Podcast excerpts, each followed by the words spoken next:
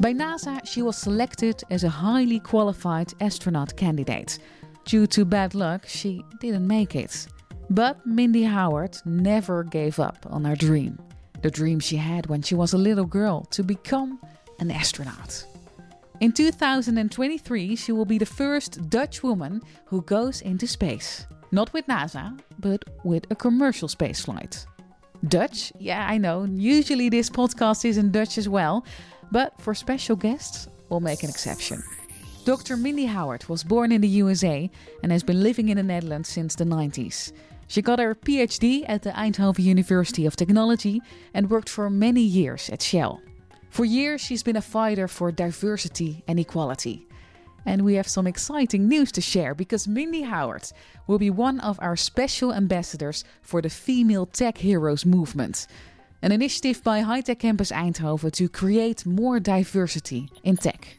Welcome. Thank you. It's great to be here. Why is this so important to you? Um, I think diversity is super important, um, from certainly from the standpoint of women um, getting into more science and technology. I don't think there's enough role models. Personally, I didn't have any as a child, um, as an astronaut, for example. Um, but there's so many jobs out there where um, I think a lot of the women who are doing these technical roles are kind of not seen. So the more visible that women become in doing these in, in doing these roles, the better off other women will be feeling like it's okay to apply and to get into these kinds of fields. Because when you were a little girl, you already had your dream of becoming an astronaut, but you just said, I didn't have a role model.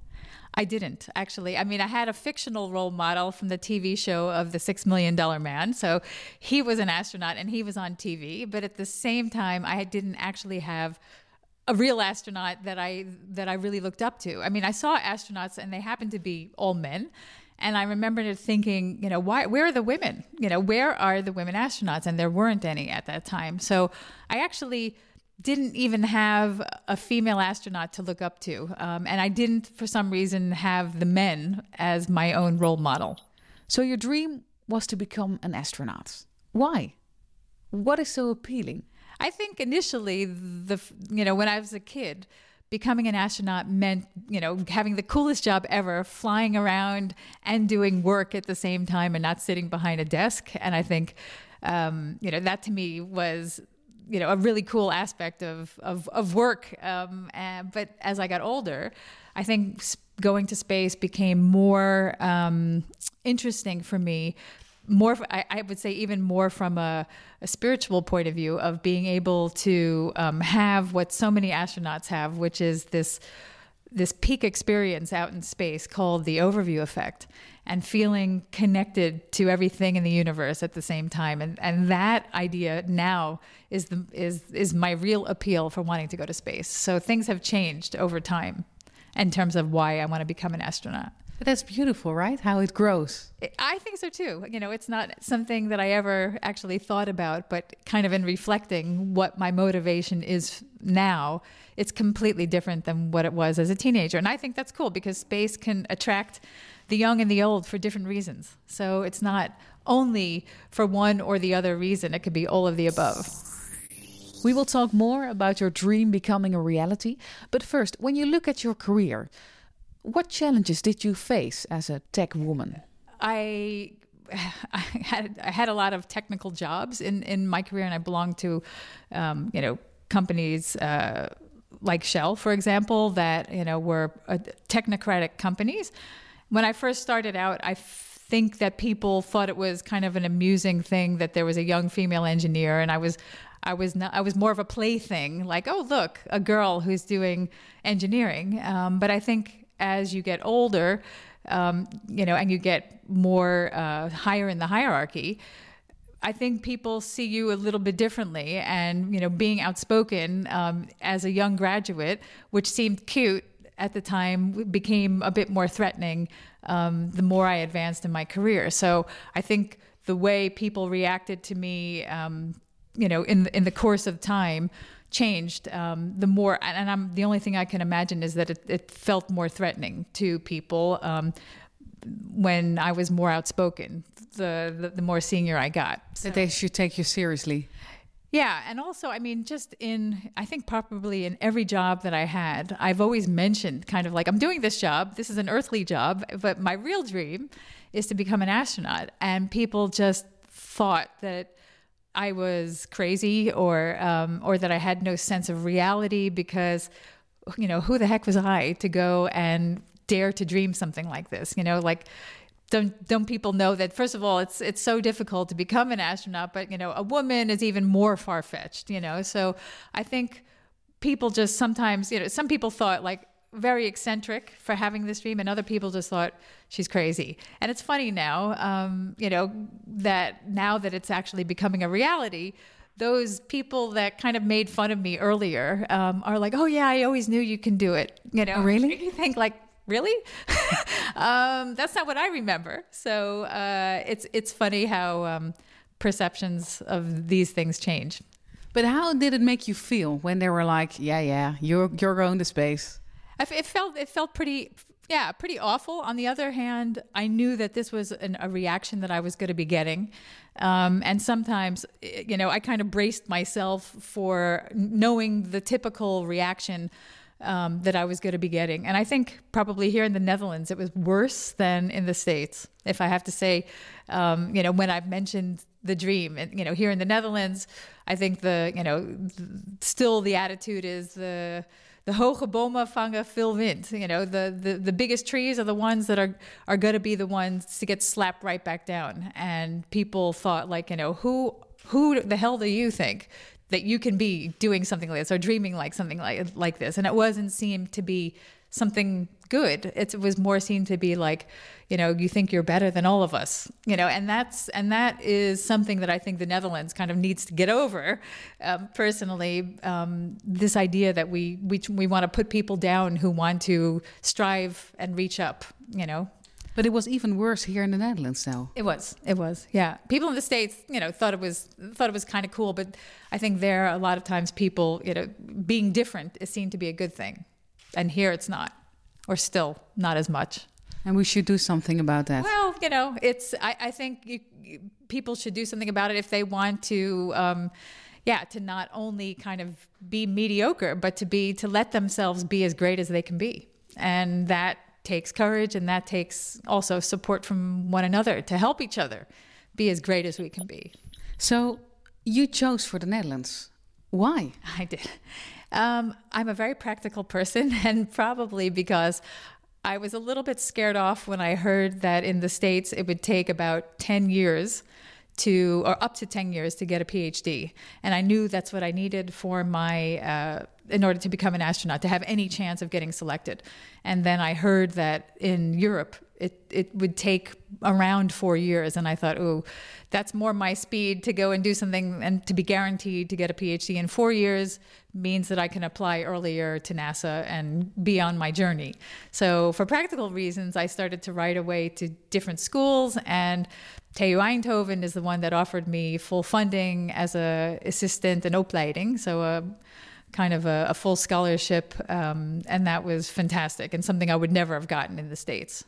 So, for practical reasons, I didn't know anything about the Netherlands. I thought, what's four years? You know, why not just um, try to, um, you know, to see what the new country is like to live in? And then I ended up picking my bags up and and going uh, to the Netherlands, which was was pretty fun, but but difficult also to adjust.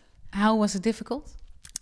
Well, first of all, there was no internet back there. I, I know I sound ancient when I say something like this, but um, you know, every I couldn't just pick up a phone and call back home, you know, because it was so expensive.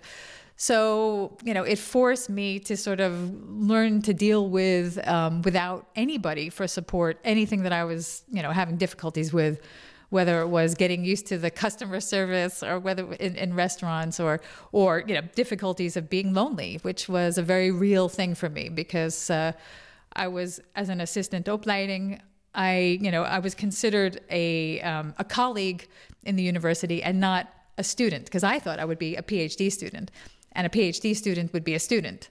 And so, having a student life, which is something I expected that all other PhD students would have a student life, Um, and when I got to the university, you know, the PhD students already kind of had, you know, were married, um, and they already, you know, they were they were considered, um, yeah, a colleague instead of a student. So they had their own world, and I was coming into their world, and their world was completely full with, you know, private things, and and you know, having a new friend was not something that they typically kind of um, had the space for. So it was difficult. I felt very lonely the first couple of years until I started to make more friends and get on some sports teams at the university. But it was a it was a it was a difficult time to adjust. And uh, even though I did speak the language at the time, yeah, I can imagine. Still difficult. Yeah. But if you are alone uh, at the university, uh, within your mind, you still have your dream in mind, which that you want to become an astronaut. And and did you felt sometimes, okay, I'm just gonna give up? Sure, you know, especially, um, yeah, I mean, because I, it was still, I hadn't made contact yet with NASA. Uh, I had for my master's research actually been in NASA, um, but it was not in the space, but the aerospace area. But I felt like it was still so far away, uh, both physically and, you know, um, figuratively so far away because I hadn't yet applied to become an astronaut at that point. So it was all kind of what was still in my imagination and nothing was yet tangible. So, yeah, I felt indeed like, you know, am I am I crazy myself just pushing and driving forward to something that I don't even know if it's possible or not. And but it was and it is, and we'll talk more about that later. But you applied for NASA and you became one of their highly qualified uh, astronaut candidates. How was that for you? Well, um, you know, so that what that actually means is that you're it's the last 200 people, so thousands have applied, and I've made it onto their short list of 200. Um, and qualified enough means that um, I have the right stuff, or I had the right stuff. Um, but then from that point, who gets selected to go onto the training? Um, and th- and la- later get a mission. Um, that is something that's kind of just a lottery and I didn't get selected essentially from that point on. So it wasn't um, that I was told that I wasn't good enough. I was told that you're not lucky enough and go and try again in two more years. So it was a bit disheartening. So I got so close, and then I thought, oh, and then you know the rug was taken out from underneath me, and then I thought, oh, I was so close, and I got to try again in two more years, which is what I've been doing actually for the last I don't know how many you know 25 years. Actually. Really? And in fact, today is the first day that you can apply again if you're an American citizen at NASA to become an astronaut. They have a, a, one month period where they accept applications every two years. And so, for anybody who happens to be American who wants to apply, you have one month. So this is your chance. This is your chance. And in fact, I was just getting my application again ready, but it's I'm going to make it a little bit of a twist this time. So, and now that I'm a more older slash seasoned person, it's going to be a different, I think, cover letter to try to attract them. Um, but we'll see. Maybe um, there's some new things on my resume, which we're going to talk about, um, which could be also very exciting for NASA to know about. So we'll see. But I'm still trying, believe it or not, 25 or whatever it is years later. It's so persistent. It's ridiculous, yeah. but it is, yes, very persistent. I don't give up easily. But that's a really good quality. I think it's helpful if you have any dream to keep on going no matter what. Um, because, yeah, you know, no, you already have. And if you just keep trying, you can maybe turn that into a yes. But how do you deal with the fact you came so far with NASA? You're, you're finally there. And then it's like, no, it's not possible. Yeah, well, it was it, it hurt, um, but then you know, knowing also that I could apply in another two years and try again, I thought, okay, it's not it's not a definite no, it's a no for now, and that is um, that was good enough. Um, but yet, I was trying to think about what else could I do and um, to help increase my chances. And you know, back in 1995, and I thought, what about the European Space Administration? And I thought, hey, wait a second, but I'm not I'm not European, but I would need to maybe get a Dutch citizenship, which I got um, in 1995, and then quickly applied to the European Space Administration. And unfortunately, they were not accepting astronaut candidate applications at the time, and not for another 10 years. So, um, and then I was too old, according to the, Euro- the Europeans. they have an age discrimination compared to NASA. NASA doesn't. No. So they still will accept and have hired people around, you know, in their 50s too. So it's not over if you're older with NASA, but it is here still. And I don't understand why that's still the case. Um, because if you're fit and you can do the job, you know, what does age have to do with anything? But that's the way it is here in, in the European Space Administration. So anyway, I tried there. That also didn't work, um, and I had to kind of put the dream on ice and just keep thinking, okay, next in the next two years, and then maybe the two years after that, just keep trying, just keep trying. And in the meantime, a new field emerged, which is commercial space.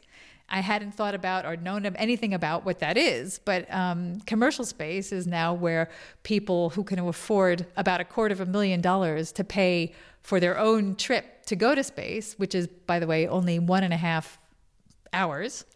Um, you can get a chance to also look at the curvature of the Earth just like the astronauts did. The overview. And have the overview effect hopefully happen only in the four minutes of weightlessness that you get on one Whoa. of these flights. So before the weightlessness period, you have a lot of high G forces um, acting on your body that you're going to need to do certain breathing techniques with. And then after the four minutes, you'll have more high G forces on different parts of your body that you'll have to do breathing techniques to you know to withstand. So you have four minutes to enjoy. Four minutes to enjoy yeah if you're not already um, passed out. passing out or freaking out which you know is important because you can actually train so that that doesn't happen to you. But um, but yeah so in in the meantime this commercial space has started as a new as a new area and it's been more and more um, trying to develop, and, and I think this year will be the first year that they will finally fly the first um, passengers to space, which is extremely exciting. It is exciting because there's your new story. Your dream is coming true. You are becoming an astronaut, yes. not with NASA. Not with NASA, but um, a, a, commercial astronaut and a commercial astronaut trainer um, for a group of people uh, called Career Astronauts, um, where there's a competition called Career Astronauts. And people all over the world, including the Netherlands, can also apply to become um, a commercial astronaut and enter this competition. And four lucky winners will be going to space in 2023. So, for anybody who's out there who's ever had a dream to go to space, it's not the space station, but it is the cl- the next closest thing to being in the space station and feeling those effects of weightlessness um, and looking at the beautiful Earth. You've created your own company, Inner Space Training. So you give mental uh, coaching and training to people who go into space. What do you do with people? How do you help them? Well, initially, we need to kind of explain to people what this one and a half hours is going to be like and what's going to happen to them, including both the physical challenges that they will experience, as well as um, you know the physical challenges, for example, the G forces that will be acting on their body, like at you know when you're getting launched um, up into you know with your spaceship that you're going to feel your blood rush down to your toes and you're going to need to f- do some kind of breathing techniques to counteract that effect. So you can learn these techniques to keep the blood in your brain so that you don't black out. But also the mental challenges of each of these different phases of the flight um, are also important. So you know learning how to kind of calm yourself before the storm. Um, and if you miss that, and all of a sudden you're not really mentally prepared to do these exercises, you know, you might miss a step. And if you miss a step, that could mean either that you black out or you have tunnel vision, or um, or you know, or worse, mix, miss your four minutes of weightlessness, which is kind of what everybody is doing it for. And if you're, you know, freaking out in the meantime or passed out, you might not be able, you know, in time to take your seatbelt off and fly around the cabin if, you know, if you're having difficulties. So that would be a total shame. And if for those people paying for it, a complete waste of money. So it's really important um, to prepare yourself so that each phase in the flight can be adequately executed. And, you know, for people that are going on these commercial flights, this is essentially a chance for them to have, um, to live their fantasy out in space everybody's got a different fantasies. Some people want to go and you know do some backflips while things are happening. Other people want to just quietly look at the earth.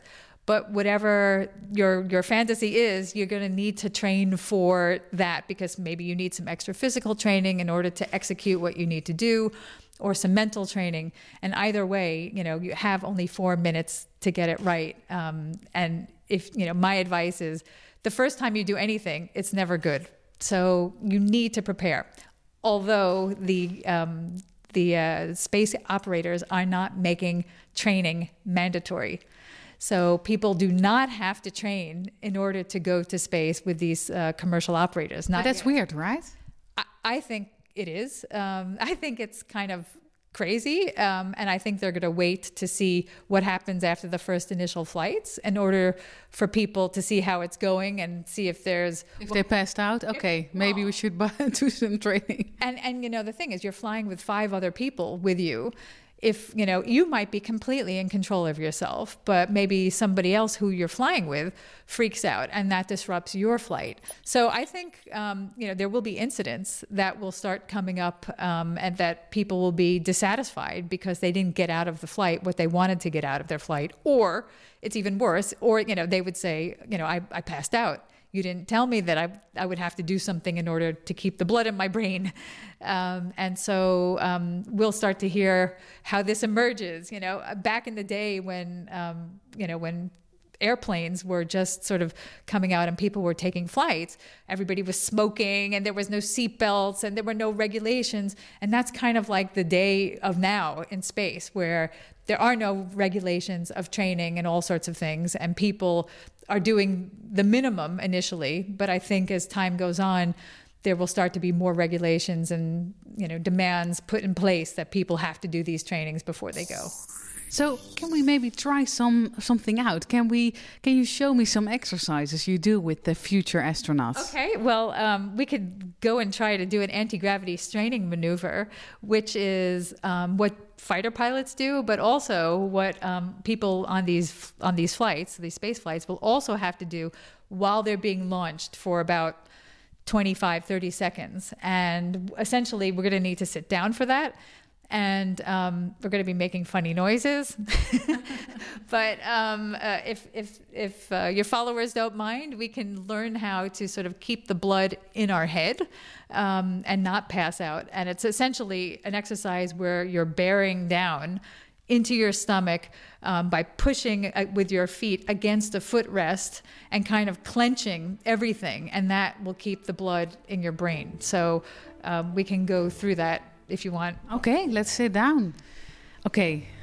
Okay, we have our feet now against the uh, the footrest, and I want you to take both of your arms, kind of, and your elbows, and bring them along your body. Okay. And the first thing I want you to sort of like is to like pretend like you have an armrest, because you would have an armrest, and you're going to have your hand on the armrest, and your elbows are in your body, and you want to sort of squeeze into your body and at the same time bear down in your stomach. So, so, you have to feel your core muscles. You have to feel your core muscles exactly. That's a good way of putting it. And as you're you're kind of squeezing your core, you're clenching and then you're releasing, and you're squeezing and you're releasing. So I'll I'll make the noise as I'm bearing down.